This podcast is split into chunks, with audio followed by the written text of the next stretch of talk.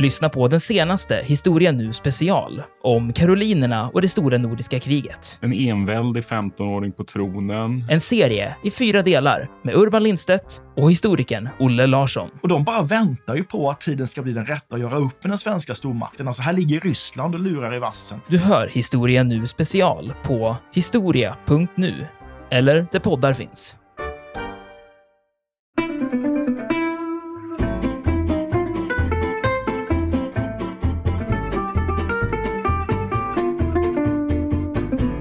USA, de var inte alls drabbat av strejker så som de var under 10 och 20-talet, det här när vi kommer in i efterkrigstiden. Men det finns ändå en rädsla över den här maktkonkurrenten och den ideologiska fienden i öst och att den skulle kunna påverka amerikansk politik och eh, ja, men att rädslan att de även skulle kunna påverka amerikanska samhället, det var påtagligt. Så till den grad att den i all väsentlighet övergår till paranoia. Och det är liksom i den här kontexten, liksom så här, i den här paranoian som senator Joe McCarthy kommer in i bilden.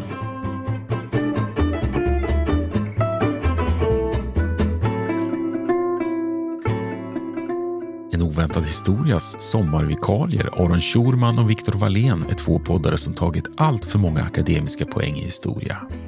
I sommar vikarierar de under sex veckor för Olle och Andreas.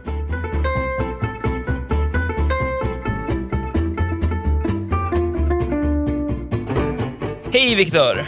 Hejsan Aron! Idag, då tänkte jag att vi ska titta lite närmre på en historia om ideologi, förföljelse och kyla. Kan du gissa var vi är någonstans då? Oh, USA? Där har vi en man med huvudet på skaft. Visst är det så. Vi ska nämligen besöka den amerikanska efterkrigstiden. Det är ju en tidsperiod som man har hört väldigt mycket om och framförallt sett väldigt mycket om. Jag, jag har en särskild plats i hjärtat för filmer typ som Stand By Me, den här filmadaptionen av en Stephen King-novell från 1986, som är liksom en av väldigt, väldigt många filmer som fångar någon slags flyktigt men ändå väldigt så kärnfullt 1950-tal. Ja, det är ju väldigt varmt och oskyldigt på något vis, 50-talet. I alla fall så som det visar i filmerna. Jag tänker alltid på Grease-filmen som ju, alltså den kom ut 78 och där är det ju slickat hår, det är bilar, det är så här klassiskt kärleksdrama. Eh, och Grease är ju en parodi av liksom själva musikaler och annat och skämtar väldigt mycket om 50-talet. Men det är samtidigt det som ger det hela lite av en, en dos magi liksom. Man ska ju, det är ju självklart på så vis att, att Grease har ju verkligen bidragit till mångas uppfattning av hur 50-talet var och hur det såg ut och sådär. Liksom. Och förutom i film så finns det något med själva tiden som jag tycker verkar orsaka någon slags evig nostalgi. Det är Elvis, det är villområden med vita staket, det är hamburgare och milkshakes, rock'n'roll, ungdomskultur. Du hör. Och på många sätt så är den här perioden sinnebilden för det goda amerikanska livet. Och då, Viktor, då vore det ju fruktansvärt om en illasinnad kraft med avsikt att korrumpera detta helylle-samhälle lurade i skuggorna. Föreställ dig nu. Jag föreställer mig. Mm. Du går och lägger dig i denna amerikanska idyll. Mm. I ditt hem i en pittoresk liten småstad, lika amerikansk som äppelpaj och glass. Men när du vaknar har något hänt med denna stad. Du tvingas in i krångliga byråkratiska processer. Dina familjemedlemmar har blivit nästan robotiska. Så stela är de när de rapporterar om vad partiet föreslår. Ditt privatliv, ja, det börjar bli offentligt. Nej. Mm. Din dotter blir skickad till ett av partiets kollektivjordbruk. Dina medmänniskor kallar dig kamrat. På torget, där samlas människor för att kungöra att indoktrineringen för ett proletariatets diktatoriska styrande har inletts. Och till råga på allt, din kyrka har förvandlats till ett folkmuseum om Sovjetunionen. Allt detta för att din frihet har försvunnit. Visst låter det ändå fruktansvärt? Låter värre än smaken av vodka. Det här skulle säga så. Det här är såklart inte någon, någons verklighet i USA under 1940 eller 1950-talet. Men det är verklighet för den fiktive karaktären, nyckelord där, fiktive, karaktären Jerry Donovan i kortfilmen Freedom and You, eller Red Nightmare som den ofta kallas. Den är framtagen av USAs försvarsdepartement 1962. Det är alltså en film som i någon slags klassisk Twilight Zone-stil skildrar det här mardrömslika scenariot med poängen att visa hur viktigt det är att inte ta sina friheter för givet. Något Jerry gjorde innan han fick den här mardrömmen. Det här är ju en ganska klassisk genre i politisk film från eh, 40-50-talet och sådär. I Sverige har vi en, en motsvarighet i Skattefria Andersson från 1954. Har du sett den, Viktor? Jag har inte sett den, men det är en otrolig titel, måste det, sägas. Det är alltså en valfilm från Socialdemokraterna där Stig Järrel spelar den otroligt skattelässa Gustav Andersson, som alltså vaknar i ett alternativt Sverige där han som de ofta säger i filmen, står på egna ben. Han behöver inte längre betala skatt, men det här föranleder att det inte finns något vatten i kranen, det finns ingen skola för hans barn, det finns inte ens vägar att åka bil på avgiftsfritt. De får liksom åka på åkrar och ängar. Men åter till USA. Så anledningen till att den här fiktiva filmen är så intressant, det är för att den verkligen visar vad amerikanerna var så rädda för när det kom till Sovjetunionen. Ja, men exakt. Atombomben är ju såklart ett existentiellt hot vid den här tiden. Men det faktum att den här filmen är producerad av USAs försvarsdepartement visar verkligen att rädslan för Sovjetunionen och kommunismen var central i USA under efterkrigstiden. Och det syns ju verkligen på så många sätt. Alltså, när det gäller just ideologiernas krig i kalla kriget så kan man se i USA vad som i princip är att förstå som en häxjakt. Man spanade efter, förföljde, fängslade och till och med avrättade personer som man ansåg utgjorde ett hot mot USA, amerikanska värderingar och liberalism. Och allt det här pågick i, ja men, på pappret, fredstid. Och ganska mycket har sin grund i övertygelsen hos en amerikansk senator. Viktor, kan du gissa? Ja, jag gissar på att det var McCarthy. Det är helt rätt.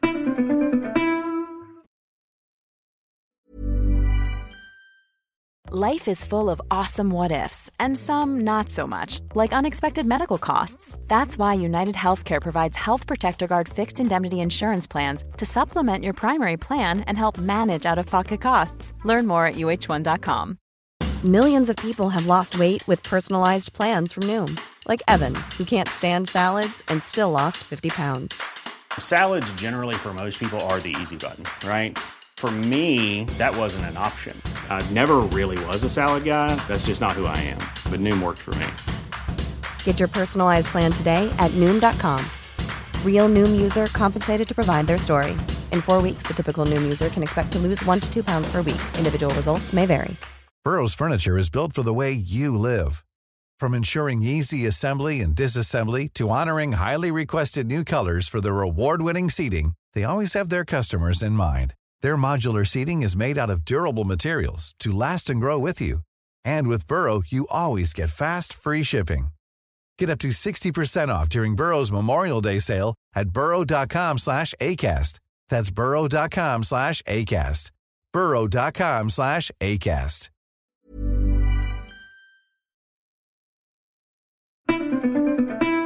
Joseph, eller Joe McCarthy. Eh, och innan vi går in mer på honom så bör det sägas att det här är inte första gången som det liksom anas en så kallad röd fara i USA. Det är det man brukar titulera det. Red scare säger man i USA.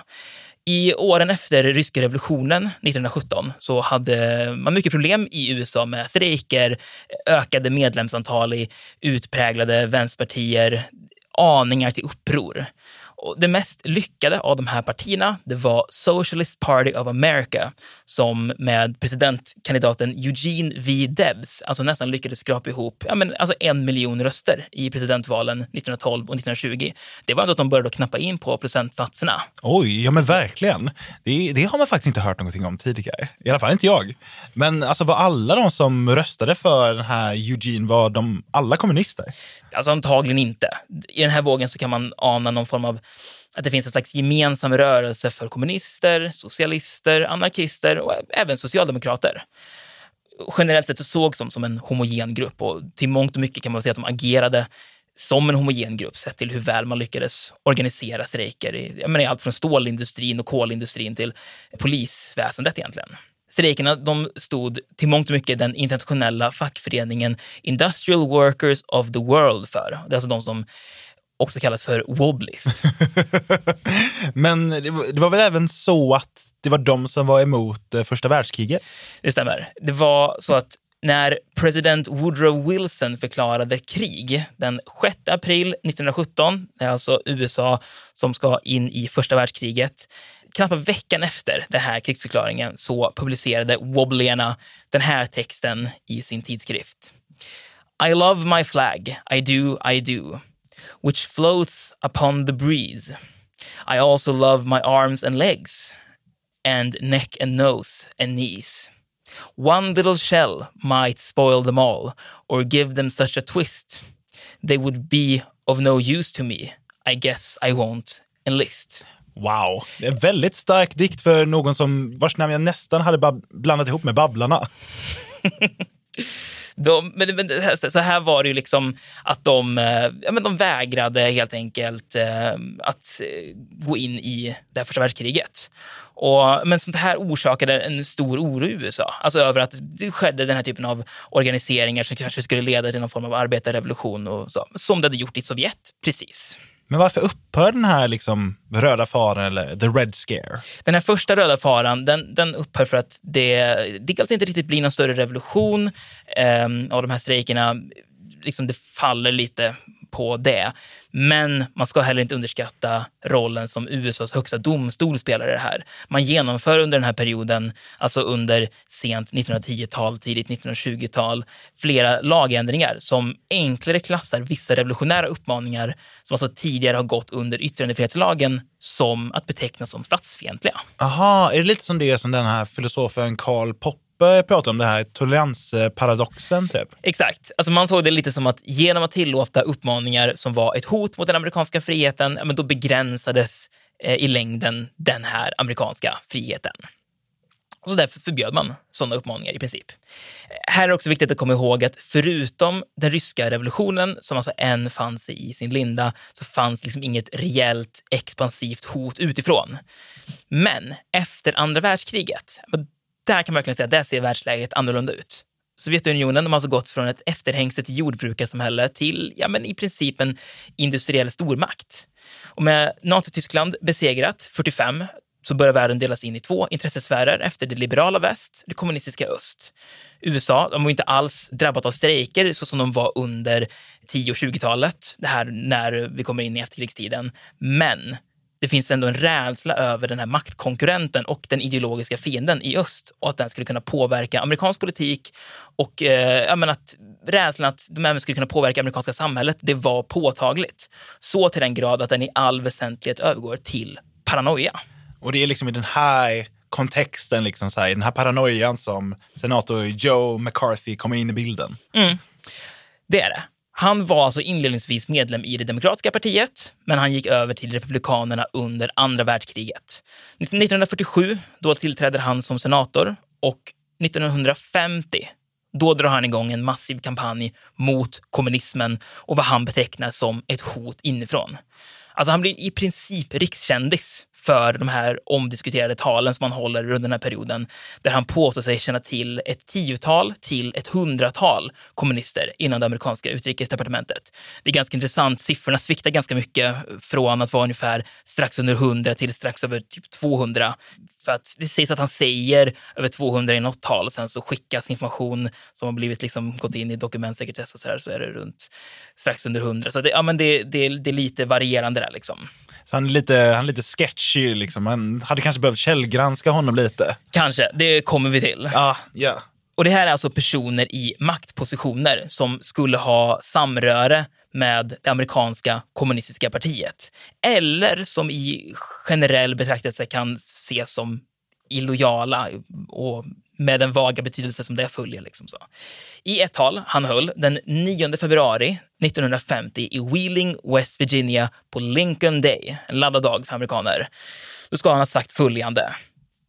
Today we are engaged in a final all-out battle between communistic atheism and Christianity. The modern champions of communism have selected this as the time. And ladies and gentlemen, the chips are down. They are truly down.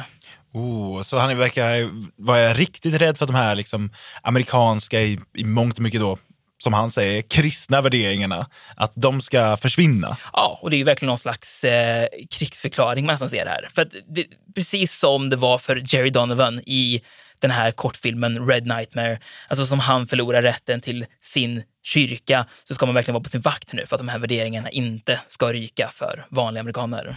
Men om man tänker på omvärlden vid den här tiden så är det egentligen inte så konstigt att de här misstankarna finns, eh, Aron. Man har ju Mao Zedongs kommunistiska rörelse i Kina som tog över makten bara något år innan. Eh, och sen har vi även Koreakriget som äger rum på 50-talet. Så där finns ju väldigt mycket som man kan hämta från. Ja, och eh, man har även Tjeckoslovakien där kommunistpartiet tar makten i någon slags kupp. Alltså det, det, man märker att Sovjetunionen är intresserade av att sprida kommunismen runt om i världen och de är expansiva och det kanske, potentiellt tänker man, kan hända även i USA. Och det är det som blir så farligt med McCarthy. Alltså det finns en allmän oro i USA över en kommunistisk kupp som i princip lever sitt eget liv. Och den här, det här livet får liksom legitimitet av att en högt uppsatt politiker erkänner den här oron. Just det. För det ska verkligen sägas här att USA är inte Kina eller Tjeckoslovakien eller Korea. Alltså alla som någon gång har träffat en amerikan vet att de har en inbyggd ryggradsreflex mot de så kallade S och K-orden. Alltså, eftersom socialism och kommunism framställs som så tydliga motpoler mot amerikanska värderingar, alltså något som amerikaner ju älskar, så blir det liksom oerhört laddat och, och rädslan för kommunismen extra påtaglig när den här typen av övertygelse stärks av politiker, ja men det är då man får den här röda faran i USA på i synnerhet 1950-talet. I spåren av McCarthys övertygelse om att det finns allvarliga säkerhetshot från kommunister inom landet så börjar man driva på vad som närmast går att beskriva som en häxjakt. Man anklagar människor offentligt för att utgöra säkerhetshot utan att ha egentligen tillräcklig bevisföring.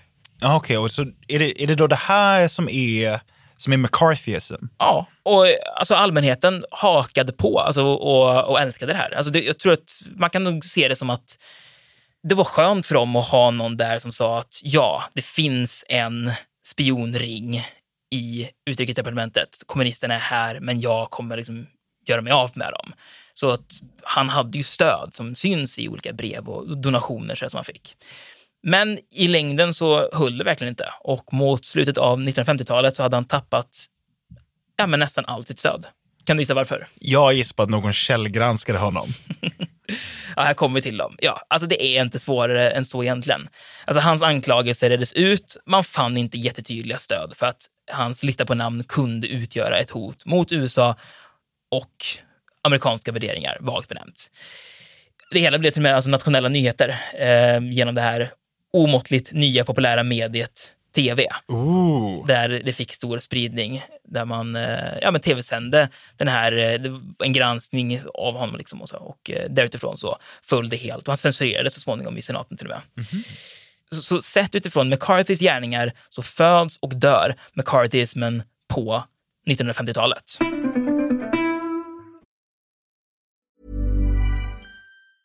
A lot can happen in three years, like a chatbot may be your new best friend. But what won't change? Needing health insurance. United Healthcare Tri Term Medical Plans, underwritten by Golden Rule Insurance Company, offer flexible, budget friendly coverage that lasts nearly three years in some states. Learn more at uh1.com. Everyone knows therapy is great for solving problems, but getting therapy has its own problems too, like finding the right therapist, fitting into their schedule, and of course, the cost. Well, BetterHelp can solve those problems. It's totally online and built around your schedule. It's surprisingly affordable too. Connect with a credentialed therapist by phone, video, or online chat, all from the comfort of your home. Visit betterhelp.com to learn more and save 10% on your first month. That's BetterHelp, H E L P.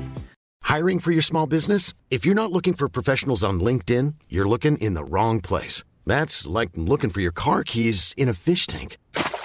LinkedIn helps you hire professionals you can't find anywhere else, even those who aren't actively searching for a new job but might be open to the perfect role. In a given month, over 70% of LinkedIn users don't even visit other leading job sites. So start looking in the right place. With LinkedIn, you can hire professionals like a professional. Post your free job on linkedin.com slash people today.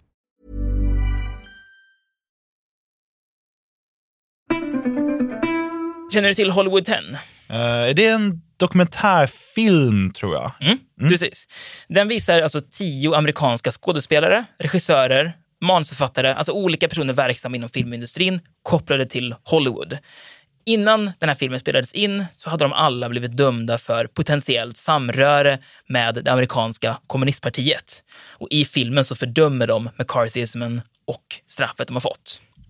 Och straffen fick den för att de har varit med i partiet. Inte nödvändigtvis. Alltså det luriga här är att man, må, man målar in sig i ett ganska märkligt hörn med den här röda faran. Lagändringarna som klubbades igenom från den första röda faran, de som handlade om att ja, men, påverka vad som klassades som yttrandefrihet och sådär, liksom. de gjorde det straffbart att stötta rörelser eller syften som hade uppsåt att undergräva eller omkullkasta det amerikanska samhället och den amerikanska friheten därigenom. Och hur kommer filmindustrin in i bilden då?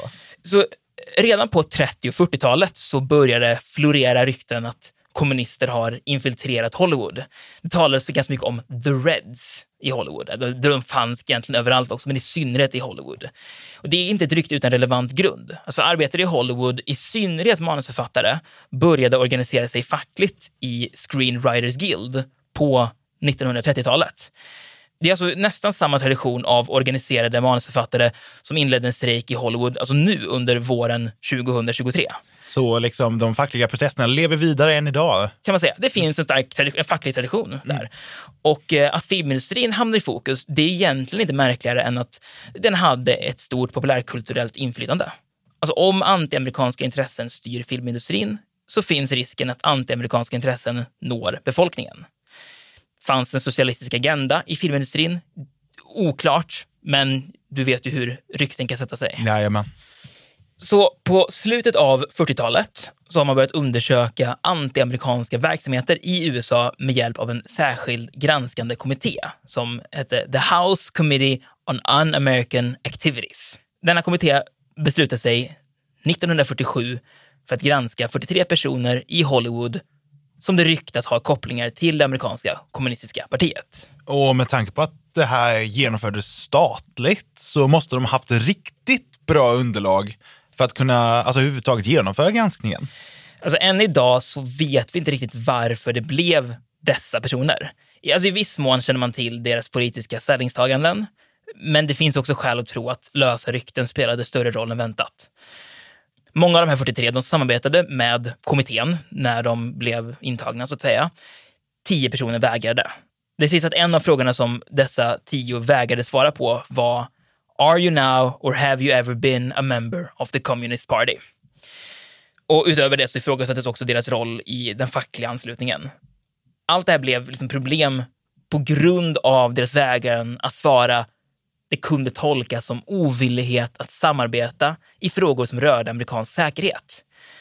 Men dessa tio personer, de hävdade att de enbart utövade sin yttrandefrihet. Oh, en riktig rävsax de hamnat i där.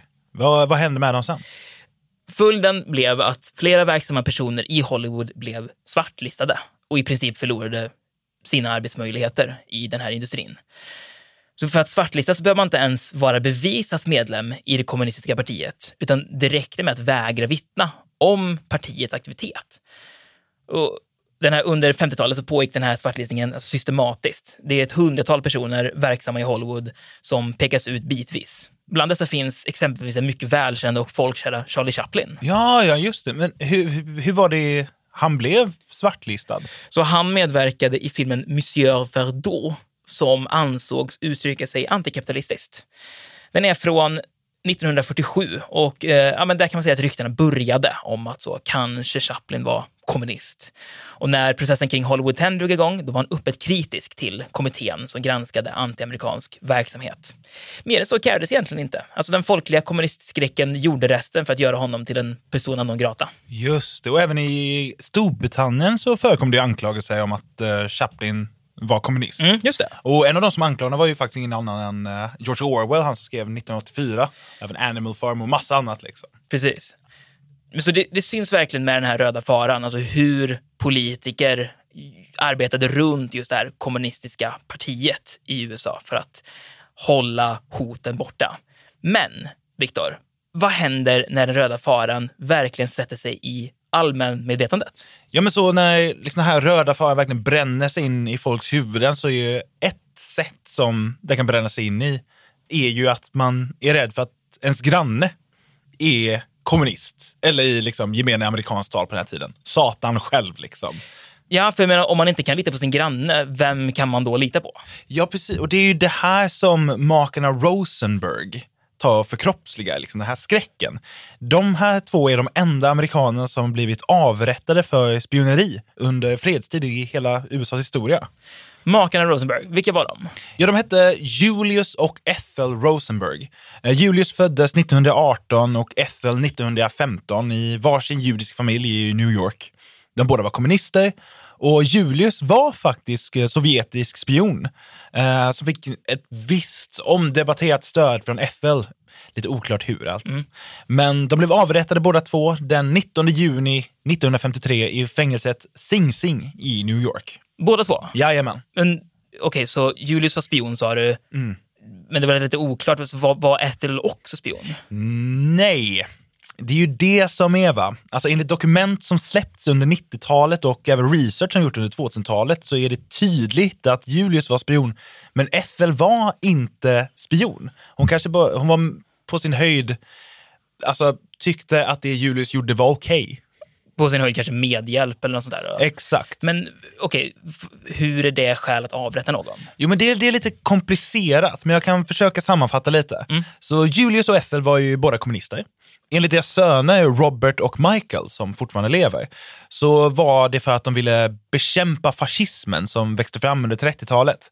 Fascism och antisemitism gifte sig ju rätt så ofta, så de ansåg att kommunismen var motpolen som de behövde anamma.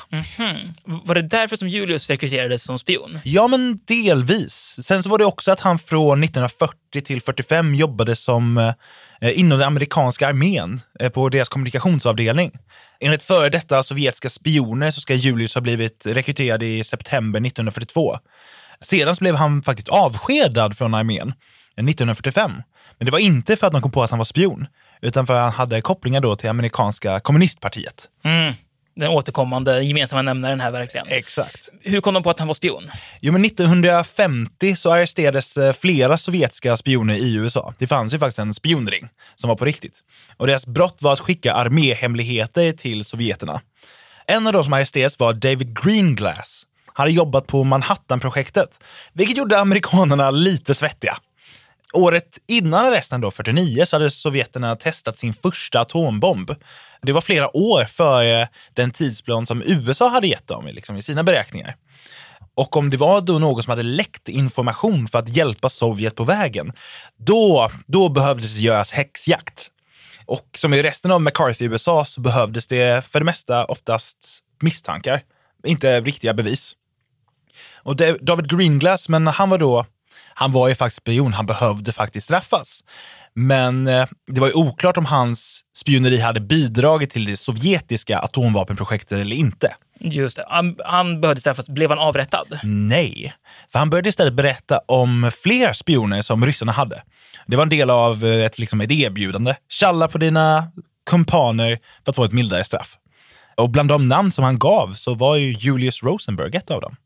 Ethel Rosenberg var faktiskt Davids syster. Ethel hette Greenglass när hon var liten, eller innan hon gifte sig.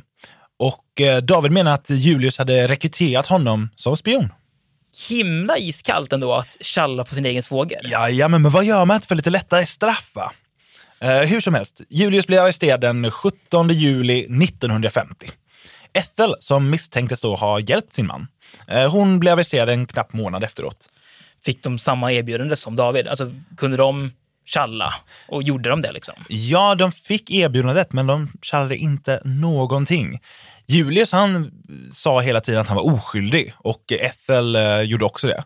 Men de blev utsatta för hela den här amerikanska skräcken för kommunismen. Hur tänker du? Om man ser på en bild på Julius och Ethel så ser det ut som vilket amerikanskt eh, alltså 40-talspar som helst. Han är klädd i kostym och har runda glasögon. Han har tunn mustasch och verkligen vattenkammat hår. Verkligen så slickat. Och hon är en funktionell hemmafruklänning med håret i en uppåtkammad eh, pompadour. Liksom. Deras vänskapskrets var amerikansk intelligensia, alltså crème de la crème av de intelligenta människorna. Inte vem som helst är ju engagerad i Manhattan-projektet. Liksom. Men FBI och advokaterna som skulle sätta dit dem, de använde just det emot dem. Det gjorde makarna till hotet som din granne kunde vara. Liksom. Dessutom hade ju, som vi sa förut, Koreakriget precis börjat. Så det användes också som lite extra krut i kanonen. En av åklagarna vid rättegången för Ethel och Julius sa så här. If the crime with which she, Ethel, is charged had not occurred, perhaps we would not have the present situation in Korea.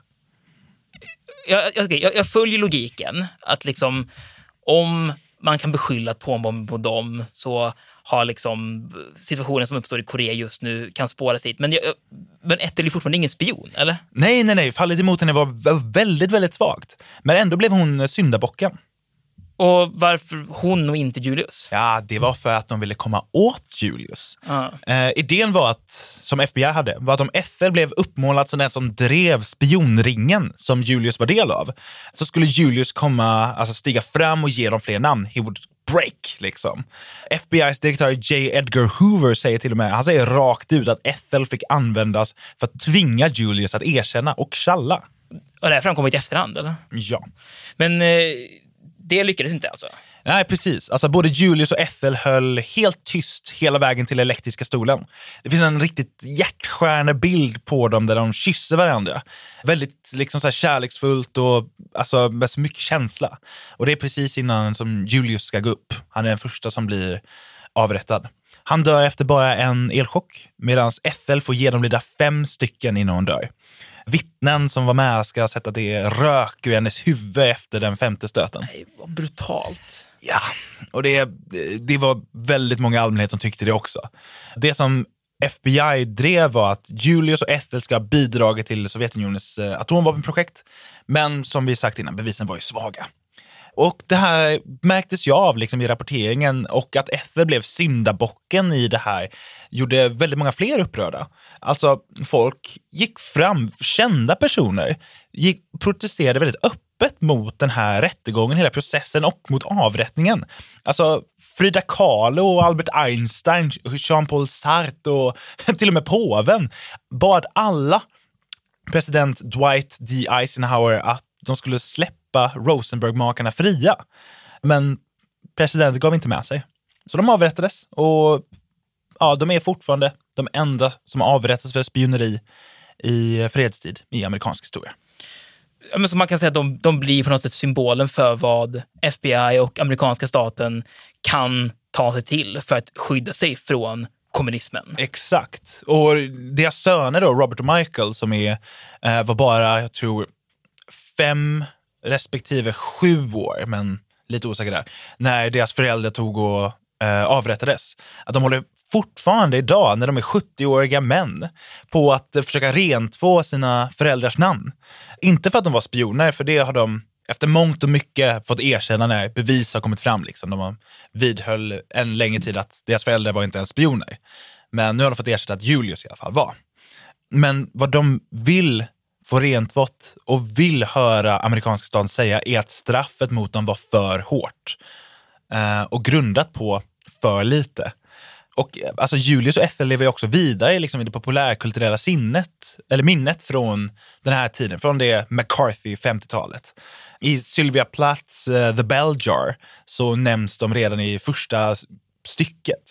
I, i L. Doctorows The Book of Daniel nämns de. Bob Dylan har en låt som heter Julius and Ethel. Just det. Och Ethel är dessutom ett spöke i den kända pjäsen Angels in America, vilket handlar om aids-epidemin. Liksom. Men de symboliserar ofta martyrdom och väldigt orättvis behandling från samhällets håll. Det är inte svårt att fantisera ihop hur man kan eh, få ihop den bilden. Men okej, okay, så allt det här, allt som pågår i jakten på kommunismens förkämpar på grund av en paranoid senator?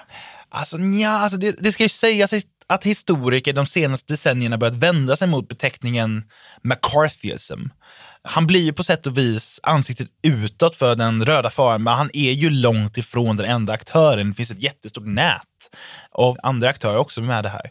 En aktör som också pekats ut som viktig i den här häxjakten är ju just FBI-direktören vi pratade om förut, J. Edgar Hoover. Men faktiskt även FBI som organisation också. Många spår den andra röda faran fanns långt innan McCarthy ens blev senator, alltså då den som kom efter andra världskriget. Exempelvis processen mot Hollywood 10 sätter igång 1947, alltså tre år innan McCarthy trappar upp sin retorik. Det är ju inte nytt som så att vissa personer tar större plats än vad de förtjänar eller borde i historien. Så sant som det är sagt. Och här ska verkligen sägas också att man ska inte på något vis, tycker jag, lindra vad Joe McCarthy gjorde. Men han är egentligen väldigt mycket en symbol för en rädsla som fanns spridd i hela landet. Alltså, världen befann sig i ett oroligt läge efter andra världskrigets slut och här är det lätt att se vad som händer när det fullkomligt spårar ur och leder till folklig paranoia. Men samtidigt ska det heller inte underskattas den enorma roll som politiken spelar i historien om den röda faran. Alltså låt oss inte glömma bort här nu att de som tar fram den oerhört over the top paranoida och i efterhand ganska komiska filmen Red Nightmare om Jerry Donovan och den eh, amerikanska staden som blir kommunistisk. De som tar fram den, det är amerikanska försvarsdepartementet. Alltså förvisso så sent som 1962, men det visar att det inte var av intresse från statligt håll att trappa ner paranoian. Alltså tvärtom, man spär på den. Det fanns onekligen påtryckningar ovanifrån, bland annat från FBI. Alltså påtryckningar som var större och pågick längre än vad bara en senator egentligen kunde svara för. McCarthy bidrog såklart i allra högsta grad till att sätta ett ansikte på den röda faran i USA i efterkrigstiden, men han var verkligen som du säger, långt ifrån ensam. Ja, precis. Och även han, det, eftersom han själv blev ju faktagranskad sen, liksom, fick trappa ner på sin retorik och avgå allt vad det var, så, och det ändå fortsatte. Visar jag verkligen på det här. Men vet vi varför FBI var så måna om att bidra till den röda faran? Alltså, källor pekar på att FBI hade goda skäl att tro att det fanns aktiva sovjetiska spioner i USA, vilket ju också var sant onekligen i fallet Julius eh, Rosenberg. Alltså samma dokument som avslöjade just Julius pekar också ut över 300 andra spioner på olika maktpositioner i USA. Och slutsatsen man drog, det var att navet för de här personerna som de var verksamma utifrån, det navet var det kommunistiska partiet. Right, så genom att eh, rasera partiet kunde man också rasera hotet utifrån liksom? Precis så såg man det. Alltså det var därför filmindustrin blev en så kallad pain in the ass för dem i deras försök att rasera det här hotet. Eh, men FBI alltså, som organisation hade alltså den här övertygelsen? Exakt. Och därför tvingades presidenten innan Eisenhower, då, alltså presidenten som avrättar, eller med under avrättningen där av makarna Rosenberg, president Harry Truman, alltså han tvingas att granska lojalitet hos statligt anställda. Och här blir en övertygad person som senator Joseph McCarty perfekt för att sätta tryck på politiken och genomdriva de här satsningarna. Och för att få med sig folket, ja, alltså vilket bättre sätt att göra det än att göra det till en fråga om värderingar? Att varna om riskerna att kommunisterna kommer för att skicka din dotter till kollektivjordbruk, för att stänga din kyrka, för att ta ifrån dig ditt way of life. Och det där drömmiga 50-talet från film och tv låter inte, alltså det låter inte så jäkla lockande längre. Det, det gör det inte. Och det ska sägas att för ganska många fler än de som vi pratat om idag så var det verkligen allt annat än en drömmig tidsperiod. Det ska verkligen sägas. Men även för alla andra för alla i samhället liksom, så präglades den till stor del av en ständig oro för att kommunister infiltrerat landet och med den tillhörande terrorisering som, och granskning av lojalitet som liksom följde av det. Jag menar, vem vet? Det kan ju lika gärna vara din granne som är den där spionen och det blir man ju smått tokig av. Och i en sån mentalitet så då frodas ju verkligen förhastade beslut. Som i Julius och Ethels fall, eh, vilket till och med ledde till döden. Sådan är verkligen historien och sådan är människan. Det, det är det man tar med sig. Där sätter vi punkt för denna gång. Tack för idag, Viktor. Ta hand om dig, så hörs vi. Det gör vi, Aron. Ha det gött!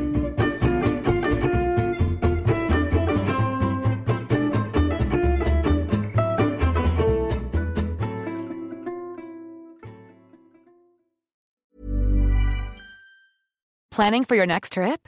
Elevate your travel style with Quince. Quince has all the jet setting essentials you'll want for your next getaway, like European linen, premium luggage options, buttery soft Italian leather bags, and so much more. And is all priced at 50 to 80% less than similar brands.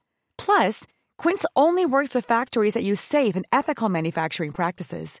Pack your bags with high-quality essentials you'll be wearing for vacations to come with Quince. Go to quince.com slash pack for free shipping and 365-day returns. Mom deserves the best, and there's no better place to shop for Mother's Day than Whole Foods Market. They're your destination for unbeatable savings, from premium gifts to show-stopping flowers and irresistible desserts. Start by saving 33% with Prime on all body care and candles. Then get a 15-stem bunch of tulips for just $9.99 each with Prime. Round out Mom's menu with festive rosé, irresistible berry chantilly cake, and more special treats. Come celebrate Mother's Day at Whole Foods Market.